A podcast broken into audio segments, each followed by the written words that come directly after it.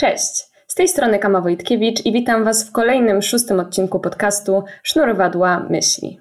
Jest to zbiór refleksji na temat wrażliwości, świadomego życia i autentyczności.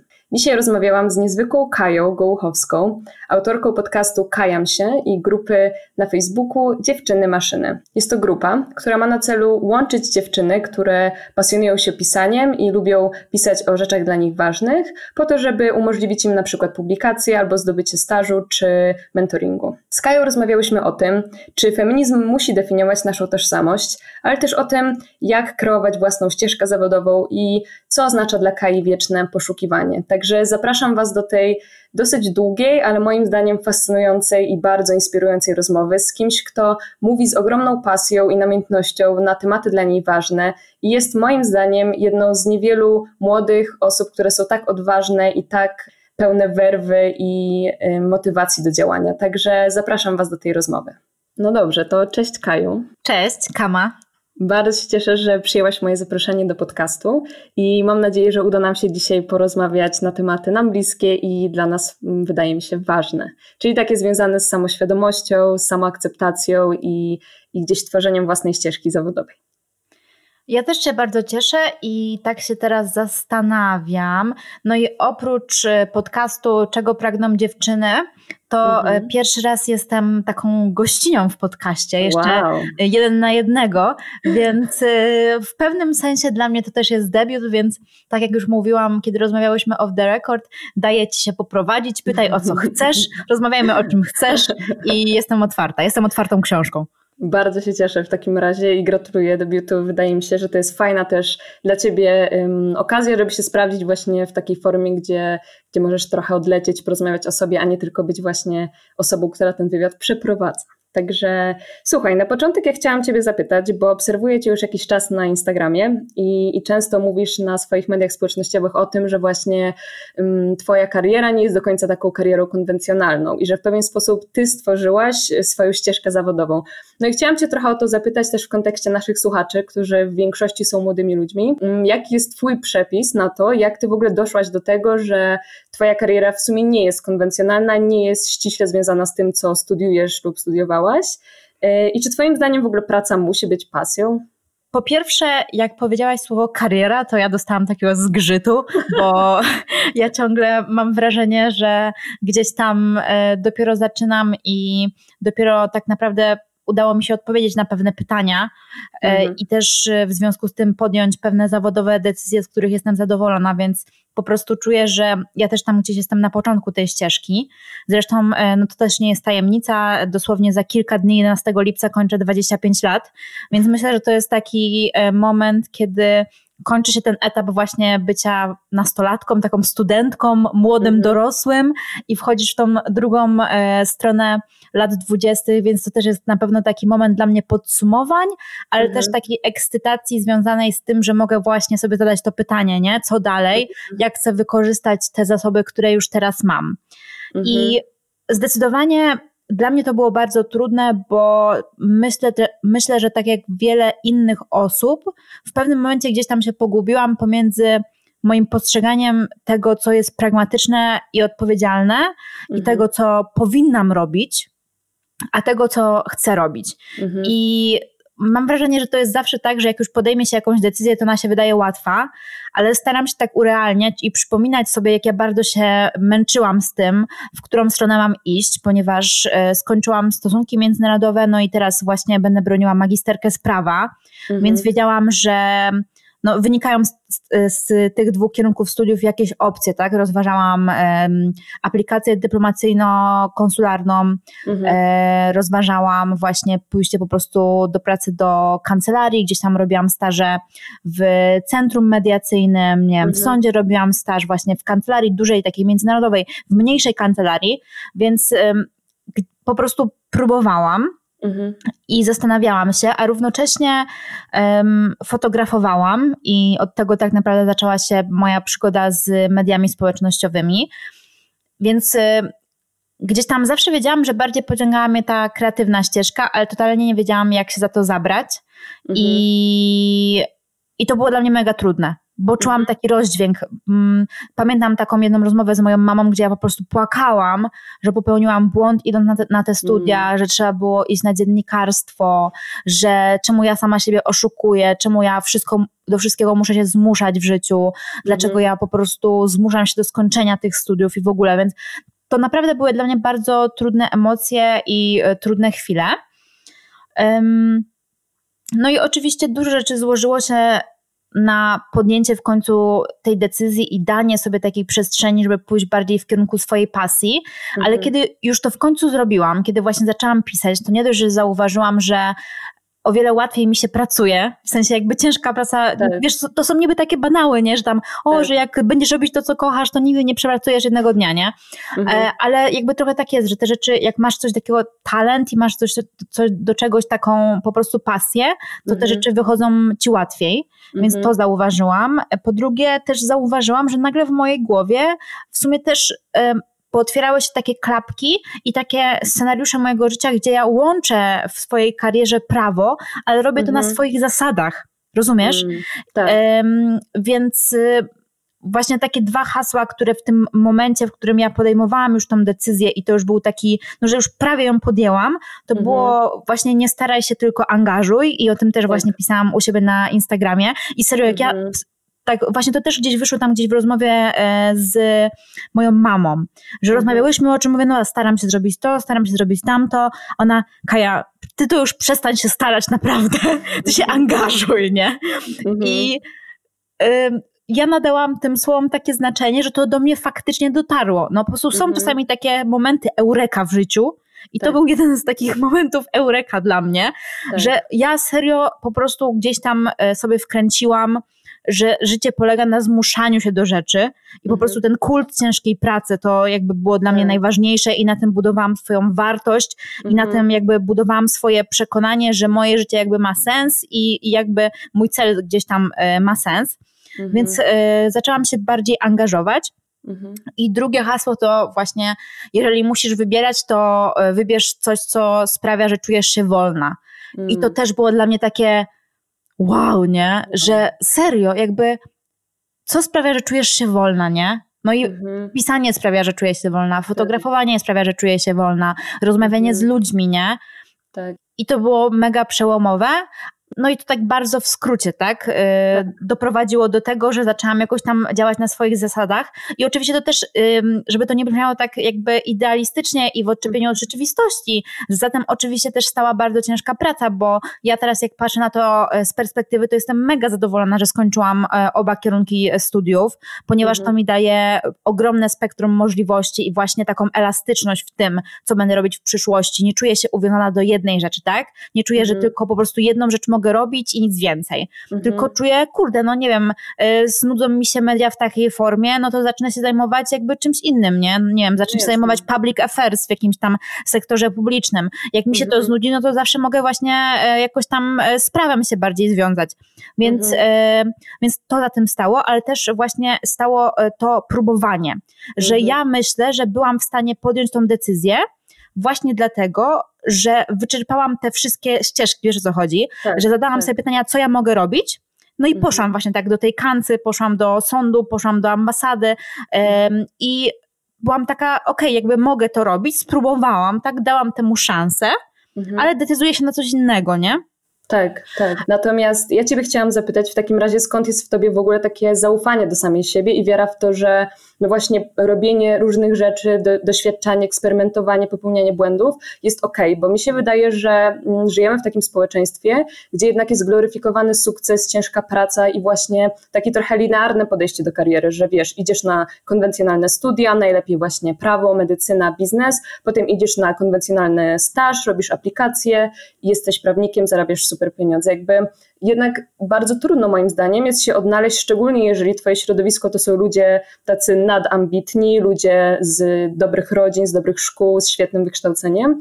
Trudno jest nagle tak stanąć samą przed sobą i powiedzieć sobie, mm, no dobra, skończyłam to prawo, ale tak naprawdę nic z tym nie robię, ale to też jest okej, okay, e, żeby no właśnie, właśnie bo ty też jesteś e, po prawie, prawda? Tak, ja też jestem po prawie, tylko że ja studiowałam w Wielkiej Brytanii, więc to też jakby e, obudziło we mnie wiele, wiele jakichś takich zwątpień, prawda, bo jednak ja studiowałam zupełnie inny system, więc będąc teraz w Polsce, tak naprawdę ten kierunek no nie daje mi aż takiego dużego pola do popisu zawodowego w tym akurat aspekcie.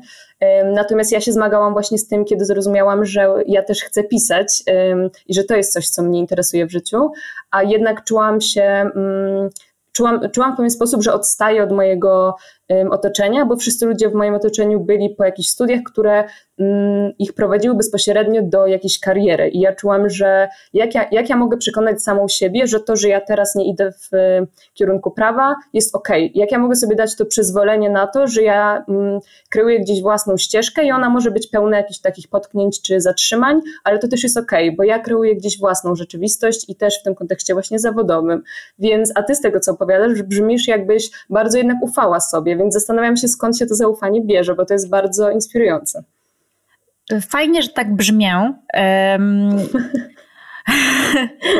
Wiesz co, nie, to są bardzo ważne pytania i myślę, że zbyt mało jakby my, jako osoby, które gdzieś tam już um, kilka lat są dorosłe, my zbyt mało no. mówimy o tym, jak to jest trudne. Tak. Bo właśnie jak y, decydowałam się, gdzie pójść na studia, jak zaczynałam y, cały ten proces, to właśnie byłam przekonana, że to jest takie wszystko, wiesz, krok po mhm. kroku, oczywiste, to gdzieś tam się układa. I właśnie nie słyszałam ludzi, mających załóżmy to 25 y, lat, nie wiem, plus, mówiących, mhm. że to jest trudne, że to jest tak. kurde trudna decyzja, że ludzie zmieniają studia, że ludzie zmieniają tak. pomysły na siebie, nie? Tylko mhm. właśnie to się wydawało wszystko takie już, och, no dobra, dorosłość, nie? Zabieram tak. się za to. Tak. Y, wiadomo, wiadomo jak się to robi. Mhm. E, więc myślę, że pierwsza rzecz to na nas ciąży taka odpowiedzialność, żeby w ogóle o tym mówić, że to mhm. jest proces, że to jest trudne. To wtedy może po prostu kolejne pokolenia nie będą miały aż takich wyobrażeń na ten temat. Też e, to, co jest ciekawe, to to, że my obecnie funkcjonujemy no, w zupełnie innym świecie niż, nasz, niż nasi rodzice i to jest oczywiście mhm. jakby jasne, ale w Polsce to jest tym bardziej, jakby ta przepaść jest zwiększona tym, mhm. że no, moi rodzice, nawet gdyby szczerze chcieli mi pomóc najlepiej jak potrafią, no oni, nie wiem, studiowali, dorastali w innym systemie, tak? Mhm. I. Um, te ich rady po prostu nie za bardzo można przełożyć na jakby taką rzeczywistość życia jako młody człowiek obecnie. Mhm. Dlatego ja zawsze rozmawiam z młodymi ludźmi, dlatego właśnie ja mam też młodszą siostrę i z nią zawsze staram się rozmawiać i takiej mhm. urealniać doświadczenie studenckie, pokazywać jej, że są opcje, jak to wygląda, mhm. bo takich rozmów jest bardzo mało i stąd właśnie chyba biorą się te przekonania, że o, nie wiem, na przykład idę na politologię, no to całe życie będę musiała być z tym związana i nic się ogólnie z tym nie da już zrobić i jak będę tak. chciała pójść do tak kreatywnego, to mnie, nie, to mnie nie zatrudnią tam, wiesz o co chodzi, nie? Tak, tak. Mi się e... wydaje, że, tak, mi się wydaje, wydaje też, że często nas paraliżuje taki lęk przed porażką, że jednak jak już się decydujesz na coś, to w miarę masz takie komfortowe wyobrażenie, że no dobra, już po tych studiach w miarę łatwo będzie ci się odnaleźć na rynku pracy, bo już masz to zaplecze w postaci jakichś stażów i tak dalej. E, natomiast nagle takie rzucenie się na głęboką wodę, że ok, kończę z tego studia i idę w coś zupełnie innego, wiąże się jednak z tym, że ten nasz wewnętrzny krytyk trochę zaczyna szaleć, no bo jeżeli jesteś, masz jakieś zapędy perfekcjonistyczne i chciałabyś robić rzeczy dobrze, to nagle znajdujesz się w sytuacji, w której nie masz żadnej pewności i żadnej w ogóle kontroli nad tym, że, że ty się sprawdzisz w tym, no bo poświęciłaś 3 lata, załóżmy licencjatu, czy 5 lat razem z magisterką na coś, co idzie w odstawkę yy, i robisz coś zupełnie innego i to się wiąże z tym, że ryzykujesz bardzo dużo, bo może to się okazać zupełną klapą, więc nie wiem, czy ty masz takie doświadczenia z... Tylko albo może... wiesz, Prawda mhm. jest taka, że to nie idzie w odstawkę. Tak. Um, bo właśnie to jest takie zero-jedynkowe myślenie. Mhm, a tak. absolutnie tak. nie jest, bo to, że nie wiem, nie robię w tym momencie aplikacji radcowskiej, to nie znaczy, że 5 lat moich studiów na prawie idzie w odstawkę. Dokładnie. Więc jakby... Ale tak jest przeświadczenie, wiesz o co chodzi, że jakby tak to jest interpretowane przez, przez ludzi, że jeżeli ty powiesz nagle, że skończyłaś te studia i robisz coś artystycznego, skończyłaś studia z czegoś, co jest takie pragmatyczne, no to reakcja ludzi zazwyczaj jest to w sumie po co były ci te studia. Jakby ja się często um, zderzałam no, zależy, z Zależy jakich ludzi, nie? Absolutnie. Mhm. Ja też się z, z taką e, krytyką zderzałam, zresztą e, też opisywałam swoją bardzo e, negatywną rozmowę o staż w kancelarii prawniczej i tam mhm. właśnie z tego samego jakby oni się śmiali, że o, że ty mhm. jesteś niezdecydowana, bo masz e, dwa kierunki studiów. Więc to mm. pokazuje, że jak ktoś chce zrobić e, z czegoś twoją wadę, to to zrobi, no bo jakby patrząc z boku, to, że ktoś jest ambitny i chce studiować dwa kierunki studiów i organizacyjnie się udaje takiej osobie to osiągnąć, to raczej mhm. jest to coś pozytywnego, nie? Ale jak widać, jak ktoś chce ci dowalić, to, to nawet e, taką zaletę zamieni w wadę. No jasne. Więc oczywiście zgadzam się z Tobą, że jest takie myślenie, tylko ja tylko powiedziałam to dlatego, że my musimy zmieniać to myślenie jakby w swoich głowach. Tak, jakby tak. przywracać to ro rozumienie tego, tak? Mhm. Bo przecież prawda jest taka, no jakby tu nie chodzi nawet o opinię, tylko prawda jest taka, że to nie znika, absolutnie. Mhm. Róż na różne sposoby możesz wykorzystywać tą wiedzę, nie wiem, chociażby ja mam przynajmniej wrażenie, nie wiem, czy się ze mną zgodzić, bo też masz mhm. trochę inne doświadczenie, ale mhm mi też prawo daje taką trochę pewność obracania się w świecie. Jasne. Że wiem, jak pewne systemy funkcjonują, e, tak. niektóre rzeczy nie są tak przytłaczające i takie onieśmielające, jak mogłyby być, prawda? Jasne. Gdybym nie miała tej wiedzy i, tak. i tego doświadczenia.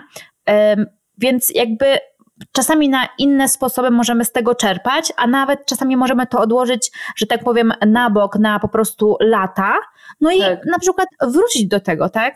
Dokładnie. To też jest takie zjawisko, o którym się mówi na świecie i które jest coraz e, bardziej popularne w Europie Zachodniej, czyli tak. osoby, które zmieniają swój zawód, nie wiem, właśnie po czterdziestce, jakby ludzie, którzy tak. zmieniają, nie wiem, pięciokrotnie swoje zawody. My widzimy jednak naszych rodziców, którzy co do zasady, jak zaczęli, nie wiem, w zawodzie X, to przez kolejne tam tak. 30-40 lat to robią. Świat tak nie wygląda i świat też tak nie będzie wyglądał. Nie wiem, czy czytałaś e, Harariego. On tam właśnie o tym tak, pisze, tak. że przez zmiany technologiczne tak naprawdę będziemy musieli coraz częściej zmieniać swoje zawody, będziemy musieli być elastyczni, Jasne. dostosowywać się i myślę, że takie myślenie o tym, że mogę zmienić swoje życie, zmienić swoją karierę, trochę zdejmuje presję z tego, że moja decyzja jest na zawsze.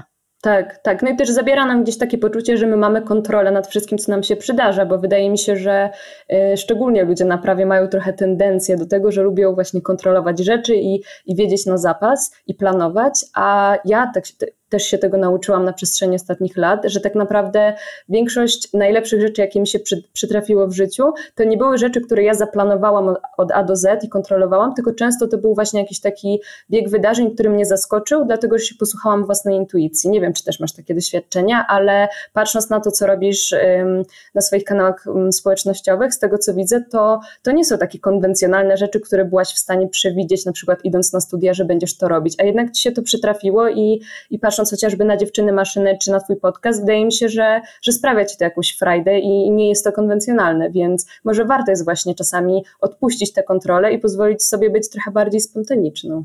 Na pewno słuchanie swojej intuicji to jest coś, co ja szczególnie w ostatnim czasie, więc tutaj idealnie trafiłaś, bardzo odkrywam. Mm -hmm. Że w ogóle tak wracam do tej intuicji i tak się w nią wsłuchuję i po mhm. prostu bywam zachwycona, jak ona mnie wspaniale prowadzi.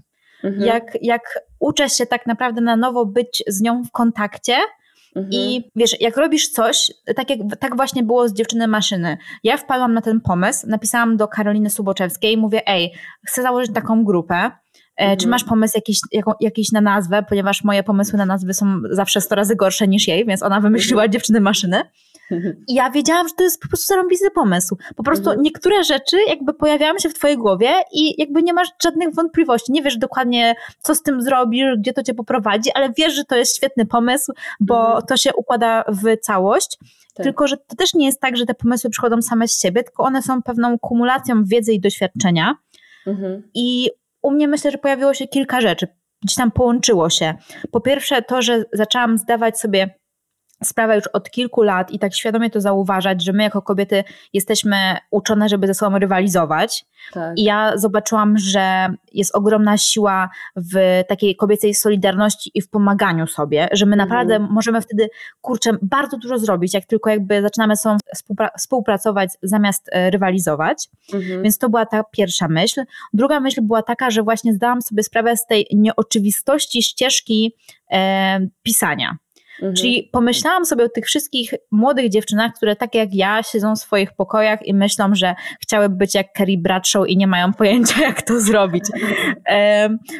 Czy inna tam pisarka, tak? Jakby mhm. Carrie Bradshaw jest takim mainstream, mainstreamowym przykładem, wiadomo, ale mhm. jakby właśnie ja połączyłam się z tą Kają nastolatką, która od zawsze kochała pisać, ale mhm. przez to, że też nie miała chyba wzorców w swojej rodzinie w takich bardziej kreatywnych zawodach, totalnie nie była sobie w stanie wyobrazić, jak w ogóle się za coś takiego można zabrać, nie? Mhm. Więc to była jakby taka um, druga myśl i to um, jeszcze była trzecia, o której teraz zapomniałam, może potem mi się pojawi. Jasne. W każdym razie to jakoś tak organicznie ze mnie wyszło, że nie wiem, czy znasz to uczucie, że coś się mhm. pojawia w twoim życiu i wiesz, tak. że to jest właściwe. Po prostu nie musisz tak. sobie tego racjonalizować, tylko to jest takie, tak. to jest kurde, to jest to, nie? Tak. No to, no to tak właśnie było i ja też e, powracam trochę do słuchania tej swojej intuicji, bo to jest fajne i naprawdę ona może nas zaprowadzić w ciekawe miejsca. I też jak publikujesz w internecie, to jest bardzo ważne, żeby czasami wziąć e, głęboki oddech i mhm. zapytać się tej swojej intuicji, bo czasami mhm. możesz coś tam gdzieś wyrzucić, powiedzieć coś, co, z czym nie do końca jesteś w zgodzie. Mhm. Więc y, ja jestem właśnie za tym, żeby dawać taką sobie przestrzeń do wysłuchania samej siebie. I to jest kolejna mhm. rzecz, która jest trudna. Naprawdę to jest trudna tak. i też myślę, że znaczy, może dla niektórych jest łatwa, dla mnie była trudna i to jest też coś, czego ja się uczę. Mhm. I jeszcze mm, odpowiadając na Twoje pytanie, dodam to, że właśnie mówienie o tym, że uczymy się całe życie, ale też pokazywanie tego, że tak faktycznie jest. Myślę, że to mega wpłynęło na moje życie i e, chcę o tym właśnie, chcę to pokazywać innym dziewczynom, żeby to też wpływało na ich życie, bo na przykład moja mama, tak, moja mama jest taką kobietą, jest dla mnie oczywiście ogromnym e, wzorem do naśladowania. Myślę, że mhm. każda mama e, wpływa na życie swojej córki bardzo mocno i moja mama przez całe życie się uczy. Ona mhm. teraz już jest po pięćdziesiątce, ale nadal chodzi na jakieś nowe kursy, szkolenia, angażuje się. E, mhm. Moja mama jest psychoterapeutką i myślę, że mhm. to wyznaczyło mi taki cudowny wzorzec, mm. który potem dał mi siłę, żebym ja serio poczuła to, że swoje życie można zmieniać i że ciągle to jest jakiś taki proces rozwijania się, że to nie jest tak, że ja mm. muszę się zatrzymać w pewnym momencie i wiesz, usiąść przed komputerem w szklanym wieżowcu i się stamtąd nie tak. ruszać, tylko że wiedziałam, że to jest takie, wiesz, proces, nie? A nie każdy też ma takie wzorce, więc myślę, że to jest ważne, żebyśmy mówili o tej zmianie i też tak. o tym, ile nas ta zmiana kosztuje, ale też jaka potrafi być cudowna i jaka ogromna gratyfikacja z niej pochodzi. Jasne, ale też jestem ciekawa, bo robisz jednak dużo różnych rzeczy, które wydaje mi się, że czasami na samym początku nie przynoszą nam jeszcze tej gratyfikacji. Na przykład jak zakładasz podcast albo profil na mediach społecznościowych, no to nie jest tak, że mm, z dnia na dzień nagle masz ogromne zasięgi i czujesz, że to jest namacalny gdzieś sukces i ludzie wchodzą z tobą w dialog, tylko na początku trochę piszesz sama dla siebie albo publikujesz ten podcast trochę tak w eter i nie wiadomo, kto go tak naprawdę słucha, kto jest po drugiej stronie ekranu. I zastanawiam się, czy jest coś takiego, co tobie właśnie pomagało się nie poddawać na początku? Czyli czy coś cię tak pokrzepiało w kontekście właśnie tworzenia treści i jeszcze braku takiego poczucia, że to już jest sukces, że to już osiągnęło jakąś popularność? Znaczy ja nadal myślę, że jestem e, na mhm. początku, jakby moje zasięgi też nie są jakieś takie wielkie i e, czasami, czasami mam takie próżne momenty i wtedy się bardzo na siebie złoszczę, mhm. że sobie myślę, kurde, mogłabym mieć więcej followersów, a nie mam, nie? Jakby ja się do tego przyznaję, bo taka jest prawda, prawda? I wiem, że większość moich koleżanek, które działają w tej przestrzeni mediów społecznościowych, tak ma i to też myślę, że jest rzecz, o której powinno się mówić, mhm. więc jakby czasami mam takie próżne momenty, nie lubię tego w sobie, że, że, że jakiś taki mój kawałek się mm, pojawia e, podczas mhm. tych momentów, ale ta, taka jest prawda. Mhm. E, ale głównie to e, ja to serio robię dla siebie, jakby ten mhm. Instagram jest trochę takim pamiętnikiem w tym sensie, że mnie coś zainteresuje, mnie coś zainspiruje, ja właśnie staram się coś przepracować, poradzić sobie z czymś, ja po prostu wtedy o tym piszę. Mhm. I tak. dlatego te, faktycznie te jakby lajki, komentarze to jest y, super, szczególnie kiedy popychać to do, dalsz, do dalszej refleksji, mhm. ale serio w pierwszej kolejności jakby robisz to dla siebie, bo to też wtedy jest autentyczne i też wtedy ludzie z tym rezonują. W sensie to jest mhm. moim zdaniem też takie magiczne, ale faktycznie tak jest przynajmniej ja tak mam, że mhm. jak ja coś napiszę, coś takiego trochę naciąganego, takie a, bo chciałam, nie wiem, się zmotywować, napisać jakiś post, bo dawno nie pisałam, to serio, mhm. ludzie z tym nie rezonują. Nikt nie mhm. komentuje, nikt się tym nie interesuje, nie wiesz o co chodzi. A, tak. a jak napiszę coś takiego autentycznego, to mhm. naprawdę jakby ludzie też to czują. Mhm. tak. Więc myślę, że po prostu trzeba robić to tak dla siebie, Mhm. I też właśnie, nie wiem, czy też tak masz, ale jak mhm. napiszesz coś dobrego, to znowuż mhm. wiesz, że to jest dobre. Wiesz, tak. że to tak. jest takie kurde bęk, nie? Tak, Więc jakby tak. y, po prostu jak, tak o tym myślę, że też staram się tworzyć taką przestrzeń y, w mediach, którą mhm. której ja chciałabym funkcjonować i też mhm. Y, myślę o mojej młodszej siostrze i o treściach, których ja nie miałam, jak byłam w jej wieku, a które chciałabym mieć i które chciałabym zobaczyć. Więc to są takie myśli gdzieś tam e, przewodnie i, i tyle. Tak jak mówię, ja czasami też cieszę się, cieszę się z tych e, nie aż tak dużych zasięgów, bo mhm. mm, i Lewogram, czyli Ewa Bujacz i Kaja Szulczewska musiały teraz y, ustawić swoje mm, profile na prywatne, bo po prostu dostawały tyle hejtu tak. e, i ciągle po prostu dostawały jakieś obraźliwe komentarze i ludzie mm. przychodzili na ich profil tylko po to, żeby je obrażać i że, żeby się z nich mhm. wyśmiewać. Więc okay. ja, e, że tak powiem, staram się cieszyć swoją e, oazą, w której jeszcze mhm. bardzo mało pojawia się takich komentarzy. Mhm, ale pojawiają się? Zdarza się taka sytuacja, że ty na przykład napiszesz coś, co jest dla ciebie bardzo osobiste, intymne mm, i ty jesteś z tego dumna, a spotykasz się potem z falą jakiegoś hejtu. Bardziej jak porusza taki temat jakiś e, światopoglądowy. Okay. To wtedy, tak, teraz ostatnio w związku, nie wiem, z wyborami pisałam jakieś posty i ja też staram się nie być polityczna, tylko bardziej mm. Ostatnio rozmawiałam właśnie z Karoliną Rogaską w audycji Halo Radio mhm.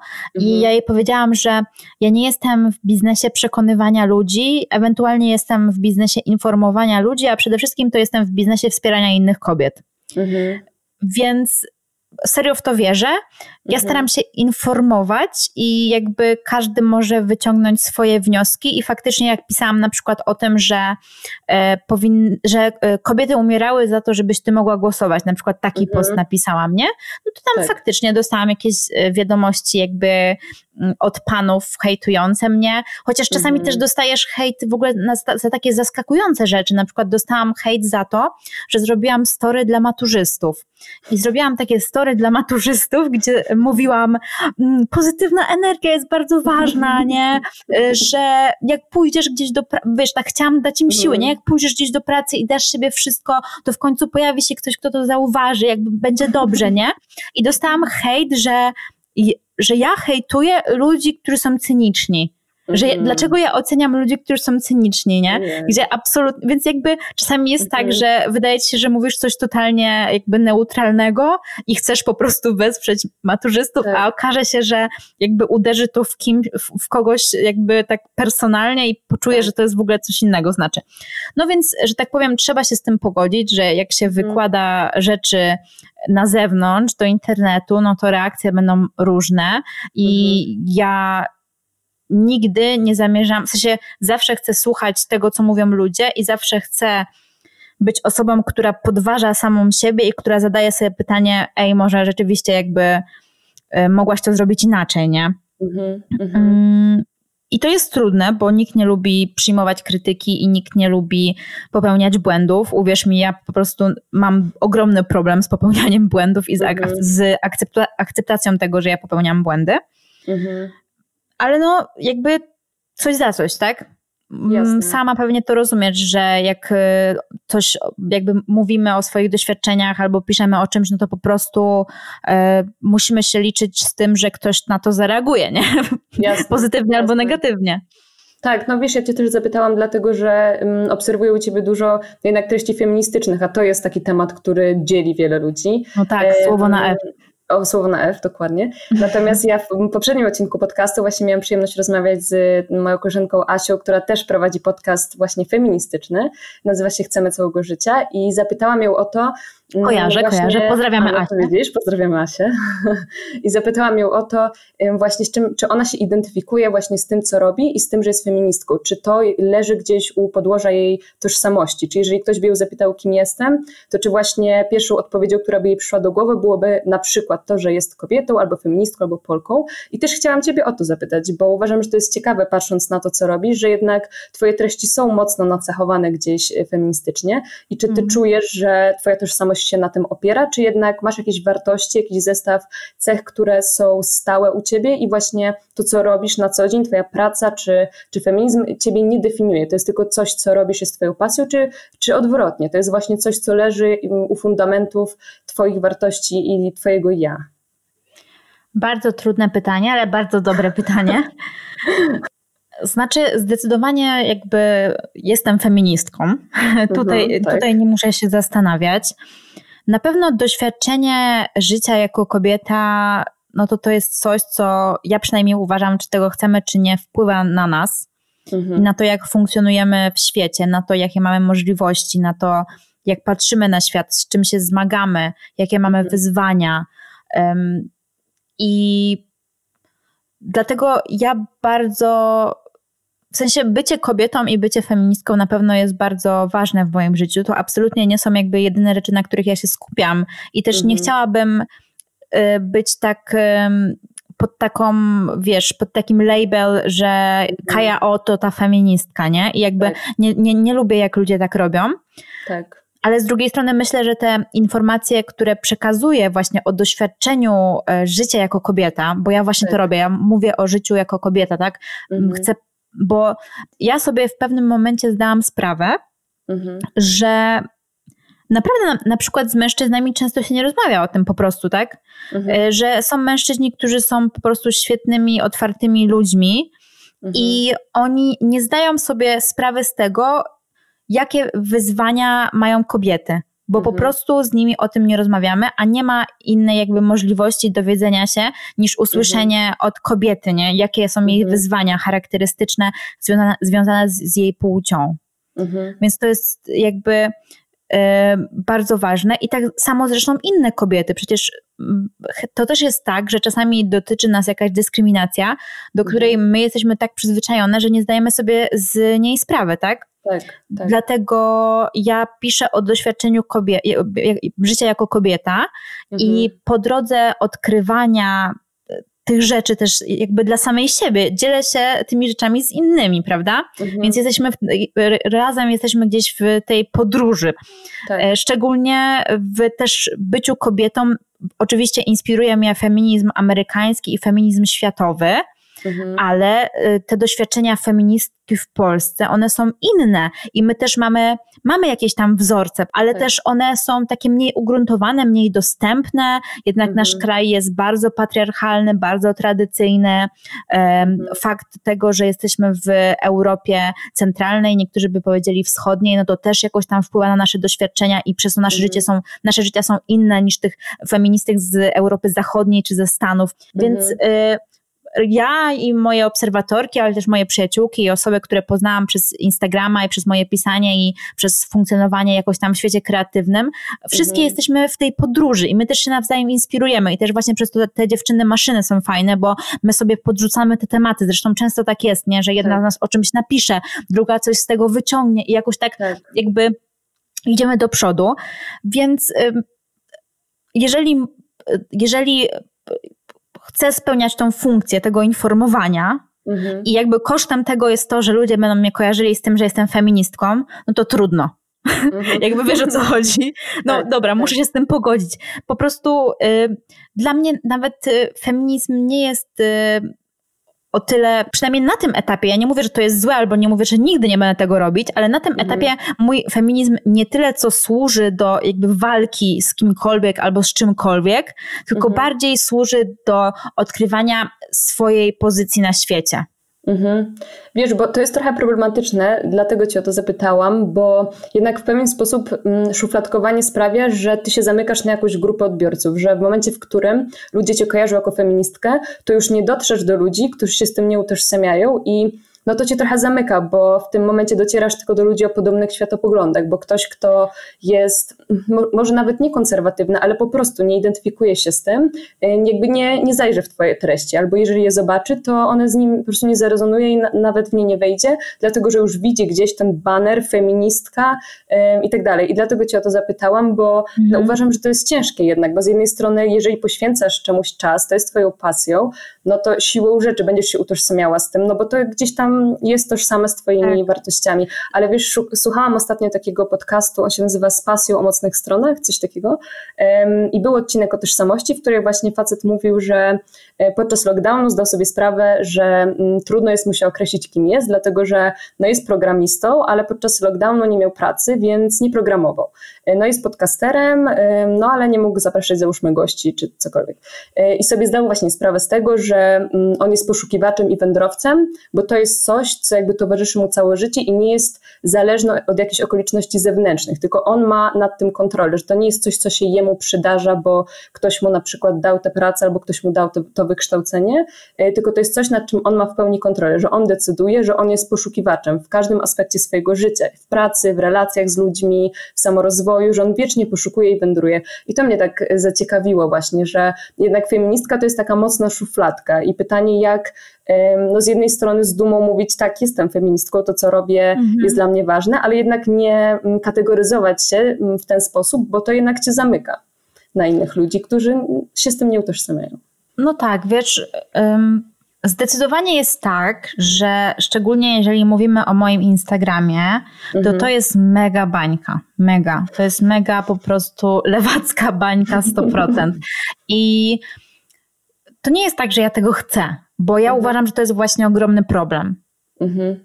Że my ciągle rozmawiamy w tym samym środowisku, tak. o tych samych rzeczach i ewentualnie tak. spieramy się o jakieś drobnostki. W sensie dla nas to są ważne rzeczy, ale dla osoby z zewnątrz to są drobnostki. Tak. I obecna sytuacja e, polityczna myślę, że bardzo to pokazuje, że jesteśmy w tej bańce. I ja staram się mhm. ciągle tą swoją bańkę pękać i ciągle staram się podważać. I wiadomo, mhm. że często średnio mi to wychodzi, ale zdecydowanie nie jest tak, że ja się czuję komfortowo w tej bańce, w której jestem. Mhm. Dlatego nawet ostatnio pisząc post na dziewczyny maszyny, podkreśliłam to bardzo mocno, że ta grupa nie jest tylko dla dziewczyn piszących o jakichś tam e, lewicowych poglądach, tylko że właśnie chcemy też czytać teksty e, dziewczyn e, o poglądach konserwatywnych i prawicowych. Mhm. Więc to mhm. pękanie baniek jest ogromnym wyzwaniem, ale to też jest coś, co jest dla mnie bardzo ważne, ponieważ mhm. ja uważam, że rozmowa w kółko o tym samym z tymi samymi ludźmi jest przyjemna, szczególnie dla naszego ego, ale tak. nie jest produktywna, jeżeli chodzi o rozwiązywanie pewnych problemów, szukanie kompromisu, a nawet jest mniej inspirująca w tym sensie, że to mhm. z różnic i to ze, z różnorodności często mhm. wynikają najlepsze pomysły i też y, stajemy, no, jesteśmy w stanie spojrzeć na coś y, w inny sposób, tak? Tak, tak. Z tego samego powodu zdobywanie wiedzy i edukacja jest bardzo ważna i z tego samego mhm. powodu ważne jest, chociaż potrafi być szalenie e, frustrujące, rozmawianie z ludźmi, z którymi się nie zgadzamy. No właśnie. I nie wiem, wiesz, to jest trudne i chciałabym wymyślić jakiś taki sposób na to, żeby móc częściej rozmawiać z ludźmi, z którymi się nie zgadzam. E, więc myślę, że to będzie moje wyzwanie. Na, na, mówiłyśmy o tym, że chcę się zastanawiać, e, co, co będę robić po 25 roku życia, to będę tak, szukała no. ludzi, ludzi, z którymi się nie zgadzam i będę starała się z nimi rozmawiać. Ale no jakby musisz przyznać, że to jest coś, czego brakuje. Tak, tak, bardzo. I to jest też trudne, bo popatrz, jednak jak rozmawiasz z kimś, kto nagle otwarcie ci powie, że mm, no jest przeciwko wyborowi, jest za życiem, y, jest konserwatywny i nie wierzy w związki jednopłciowe, no to czy jesteś w stanie naprawdę zachować um, trzeźwe myślenie, zimną krew i powiedzieć, masz prawo do swoich poglądów, czy jednak czujesz, że kurczę, to jest nie fair, że ta osoba jest nietolerancyjna wobec innych ludzi? Jakby jeżeli to jest dla ciebie ważne. Ja myślę, że masz. Wtedy, no to... Znaczy, ja osobiście, wiesz, o tyle jestem w stanie zachować jakby zimną krew, że mnie najbardziej wkurza ignorancja. Jeżeli mm. ktoś jakby serio się zastanowił, serio jakby podjął ten wysiłek jakiś tam intelektualny i po prostu stwierdził, że identyfikuje się gdzieś tam w innym miejscu na jakimś tam spektrum mhm. poglądowym, to dla mnie to jest właśnie super. Okay. E, gorzej jest, jak to wynika z takiej jakby ignorancji, tak? No to mm. też jest pytanie, jak to ocenić, tak? No to też, to też nie jest moje miejsce, żeby jakby, no ale jednak jak rozmawiasz z kimś, mhm. no to słyszysz, czy te argumenty są właśnie takie emocjonalne, czy są oparte tak. tylko i wyłącznie gdzieś tam na opiniach, czy one serio, bo um, powiem może teraz coś kontrowersyjnego, ale mm. prawda jest taka, że pomimo tego, że się nie zgadzam na przykład właśnie z osobami, które są pro-life, mhm. to nie można powiedzieć, że jakby one nie mają jakichś argumentów, tak? Jasne. Mhm. I um, dlatego też teraz taka mi myśl wpadła, że ostatnio dużo się mówi o jakby cancel culture i o call-out culture. I mhm. ja właśnie tak uważam, że cancel culture w naszym mhm. społeczeństwie jest mega toksyczna ponieważ mhm. na przykład po ruchu MeToo, tak? Jeżeli mhm. my tych wszystkich y, mężczyzn, tu powiem, chociaż oczywiście nie tylko mhm. mężczyźni są sprawcami przemocy seksualnej, jeżeli my ich mhm. wszystkich wywalimy po prostu ze społeczeństwa i będziemy udawać, że oni nie istnieją, to my nie pójdziemy do przodu jako społeczeństwo, wiesz o co chodzi? I tak, to może być tak. jakby cholernie trudne, bo właśnie to są takie sytuacje, które powodują w nas ogromne emocje, jakby nienawiść, złość, tak? Mhm. Widzimy, co się dzieje w związku z tymi wyborami chociażby, tak? Ile Jasne. po prostu jest agresji w ludziach. Tak. Ale no, o ile my jako społeczeństwo nie stwierdzimy, że okej, okay, jakby zrobiłaś, zrobiłeś coś źle, ale mhm. wróć do nas, porozmawiajmy o tym i zastanówmy mhm. się, co doprowadziło cię do podjęcia takich, a nie innych decyzji, mhm. no to jakby my nie ruszymy do przodu i będzie tylko miała miejsce coraz większa polaryzacja która no, mhm. teraz niewątpliwie w mojej ocenie przynajmniej się dzieje. Mhm. Dlatego może muszę w, też jakoś bardziej się postarać, żeby pokazać, że jestem przystępna, tak, dla osób o mhm. różnych rodzajach poglądów, bo to jest coś dla mnie ważnego, a rzeczywiście jakby na razie robię to słabo, bo na razie przyciągam jakby określony e, rodzaj ludzi z określonymi e, jakby poglądami, więc to jest na pewno coś takiego, co, co chciałabym zmienić, tylko to jest trudne, no bo właśnie jak myślisz w pewien określony sposób, to trudno z tego jakby wyjść i odnaleźć inną tak. ścieżkę. Tak, no bo siłą rzeczy właśnie mm, się jakoś kategoryzujesz i zaszufladkowujesz, więc no nie da się tego nie robić, no bo w pewien sposób zależy ci na tym, żeby dotrzeć do ludzi o podobnych poglądach i w momencie, w którym zakładasz takie konto, no to gdzieś tam pojawia się to słowo na F, więc to jest trudne. Mi się wydaje, że no rozwiązaniem byłoby chyba właśnie porzucić zupełnie te łatki y, i się bardzo tak zneutralizować na poziomie gdzieś swojej Ale to, to też jest, nie, wiesz, to, a ja się z tym nie zgodzę, bo mhm. moim zdaniem możemy się identyfikować silnie z jakimiś poglądami, mhm. a nadal jakby być otwartymi na kompletnie inne poglądy. Wiesz o co chodzi? Że mhm. nie powinniśmy wszyscy musieć być, kurde, centrowi na maksa i neutralni, mhm. żeby mhm. być jakby przystępnymi dla szerszej mhm. e, publiczności, tak?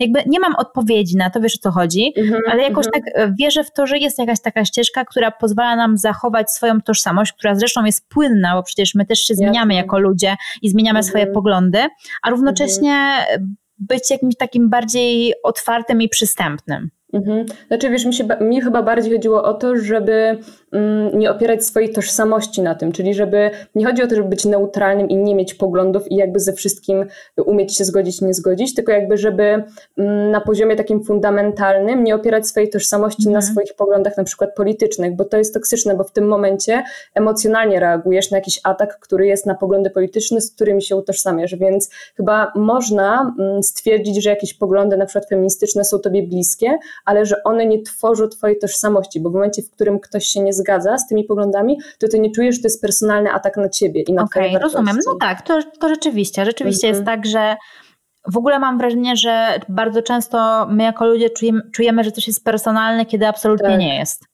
Tak, tak. No szczególnie jeżeli chodzi o te poglądy polityczne, to już absolutnie. Jakby ludzie to biorą bardzo do siebie, bardzo. Jak już widziałam jakieś na Instagramie zdjęcie dziewczyn z nieogolonymi pachami, które właśnie mówią o tym, że, że akceptują swoje ciało tak jak wygląda, że nie chcą właśnie się poddawać tym standardom, no to fala komentarzy, które są jednak bardzo y, emocjonalne, bardzo personalne i wyzywające, no jest, no jest zatrważające. Ale Więc... to też jest problem, że wszystko się stało polityczne. Ja też mam wrażenie, tak. że się powtarzam w kółko, bo mówię o tym często, ale mnie nigdy nie przestaje zaskakiwać to, że obecnie nawet takie rzeczy jak, nie wiem, zmiana klimatu, coś co mhm. teoretycznie dotyczy nas wszystkich, wszyscy tak. żyjemy na Ziemi i w ogóle, nagle okazuje się, że to jest część tak zwanej lewackiej ideologii. I tak samo nieogolona pacha, jakby, mhm. więc to, to, to też prostu wszystko już jest polityczne. No, niedługo tak. okaże się, że jakby, nie wiem, oddychanie też jest tam lewackie albo prawackie i, i, i tyle. No jakby jak żyć, panie premierze, cytując klasyka. No dobrze, to skoro jesteśmy przy tym pompatycznym pytaniu, to ja bym chciała je ładnie teraz um, taką ładną klamrę kompozycyjną stworzyć i zapytać Cię, skoro masz zaraz urodziny 25, czy czujesz właśnie, może nawet nie presję, ale czy czujesz jakieś oczekiwania, które sama na siebie nałożyłaś, albo um, czy czujesz, że jest coś, co no teraz mając te 25 lat, Ty byś chciała um, stworzyć, albo osiągnąć, albo iść w jakimś nowym kierunku, czy jest coś, co y, jakieś może marzenie albo plan, który y, przyprawia Cię ekscytację i czujesz, że teraz hmm. kończysz 25 lat i to jest właśnie ten moment, kiedy chciałabyś na przykład coś zrobić, albo posunąć gdzieś swój kanał dalej w innym kierunku, albo zrobić coś jeszcze innego. Wiesz co, ja, tak jak słusznie sugerowałaś wcześniej, jestem osobą, która perfekcjonizm jest moim, moją zaletą, ale też moim problemem. Chociaż mm -hmm. wiesz, mhm. nawet jak powiedziałam słowo perfekcjonizm, to sobie pomyślałam, no kurde, przecież ty jesteś najdalszą rzeczą od perfekcji, jaka może być twoje zachowanie. Więc nie, mm. może inaczej. Ambicja jest moim problemem. Ja kiedyś sobie wyobraziłam to w ten sposób, że jak widzisz taki obrazek, że e, jeden człowiek leży na ziemi, a nad nim stoi drugi człowiek i go biczuje, to ja jestem mm -hmm. jednym tym człowiekiem i drugim. Tak, tak. I po prostu Dlatego staram się jakoś tak e, nie planować, właśnie mhm. staram się nie starać, dziękuję, mhm. tylko angażować. E, więc mój, mój plan na 25 urodziny jest taki, że chcę korzystać z zasobów, które już mam, z tego, co udało mi się już zrobić, zdobyć. Chcę, chcę się nauczyć tym cieszyć. Mam nadzieję, że przed mhm. trzydziestką mi się jeszcze uda doceniać samą siebie. Zobaczymy. No na pewno teraz, jak już skończę studia, bo jeszcze została mi tylko magisterka do obrony mhm. i teraz dosłownie kiedy? Wczoraj? Wczoraj zdałam mhm. ostatni egzamin więc mhm. nawet nie miałam czasu, widzisz, tak usiąść się zastanowić, nie? I sobie zadać tego pytania, co dalej, po tak. prostu jak żyć. Jeszcze nawet mhm. nie miałam czasu. Mhm. Więc y, mam nadzieję, że trochę poddam się procesowi. O, tak, mhm. tak powiem. Poddam się procesowi. I Super. zobaczymy, gdzie on mnie zaniesie. Nadal będę pracować, nadal będę się starać. Nie, nie będę się starać, Kaja, nie mów tak. Będę się angażować, będę pracować, e, będę wysiłek wkładać w to, co robię, będę się rozwijać, na pewno nadal się będę uczyć i jestem przekonana, że będą się pojawiały kolejne piękne inicjatywy i pomysły. Dziewczyny Maszyny jest przed nami e, pierwszy warsztat, który muszę wymyślić, muszę zorganizować, muszę zastanowić się, jaka będzie jego forma i co w ogóle tam będziemy robić. Super. Więc, więc, więc na pewno po prostu też mam, oprócz tego mam dwie prace, więc ogólnie coś tam się dzieje, nie? Bardzo chciałabym Ci podziękować właśnie za to, że się tak fajnie otworzyłaś, że opowiedziałaś o swoich doświadczeniach, że przyjęłaś w ogóle moje zaproszenie i wydaje mi się, że ta rozmowa może być inspirująca dla wielu młodych ludzi, którzy gdzieś stoją na tym rozstaju dróg, muszą podjąć jakąś ważną decyzję życiową i wydaje mi się, że to może być fajny materiał, który im pomoże gdzieś lepiej zrozumieć siebie. Także bardzo Ci dziękuję jeszcze raz, że podzieliłaś się swoją ścieżką i swoimi przemyśleniami. Było mi bardzo miło. Ja dziękuję i dziękuję Ci za zaproszenie i mam nadzieję, że niedługo wpadnie nam na jakiś pomysł i e, zamienimy się rolami i Ty będziesz musiała mówić o sobie i zobaczysz, jakie to jest trudne. Zemsta. No, też mam taką nadzieję. Też mam taką nadzieję. Dziękuję Ci bardzo. No, dzięki wielkie i dziękuję wszystkim słuchaczom i też zapraszam na mój podcast Kajam się. Tak jest, kajam się. Wszystko będzie podlinkowane w opisie odcinka. Bardzo dziękuję Wam za odsłuchanie tego odcinka. Mam nadzieję, że udało Wam się wynieść z niego coś wartościowego, a jestem przekonana, że coś się znajdzie, bo Kaja jest naprawdę niezwykle inspirującą osobą, która jest pełna pasji. Także jeżeli macie jakieś przemyślenia albo chcielibyście wejść ze mną w dialog w kontekście tego, o czym rozmawiałyśmy, czyli o budowaniu swojej ścieżki zawodowej, ale też wiary w samą siebie, perfekcjonizmie, o angażowaniu się w rzeczy, a nie tylko staraniu, to zapraszam Was serdecznie na mój Instagram sznurowadła.myśli bez polskich znaków. Śmiało wysyłajcie wiadomości, jestem otwarta na to, żeby z Wami rozmawiać. A jeżeli jesteście ciekawi treści Kai, to zapraszam na Instagram Kaja Gołuchowska albo do podcastu Kajam się, czy na grupę na Facebooku Dziewczyny Maszyny dla dziewczyn piszących, ale nie tylko. Także serdecznie Was zapraszam i jeszcze raz bardzo dziękuję za odsłuchanie dzisiejszego odcinka. Na dzisiaj to już wszystko, a my widzimy się za dwa tygodnie w kolejnym odcinku.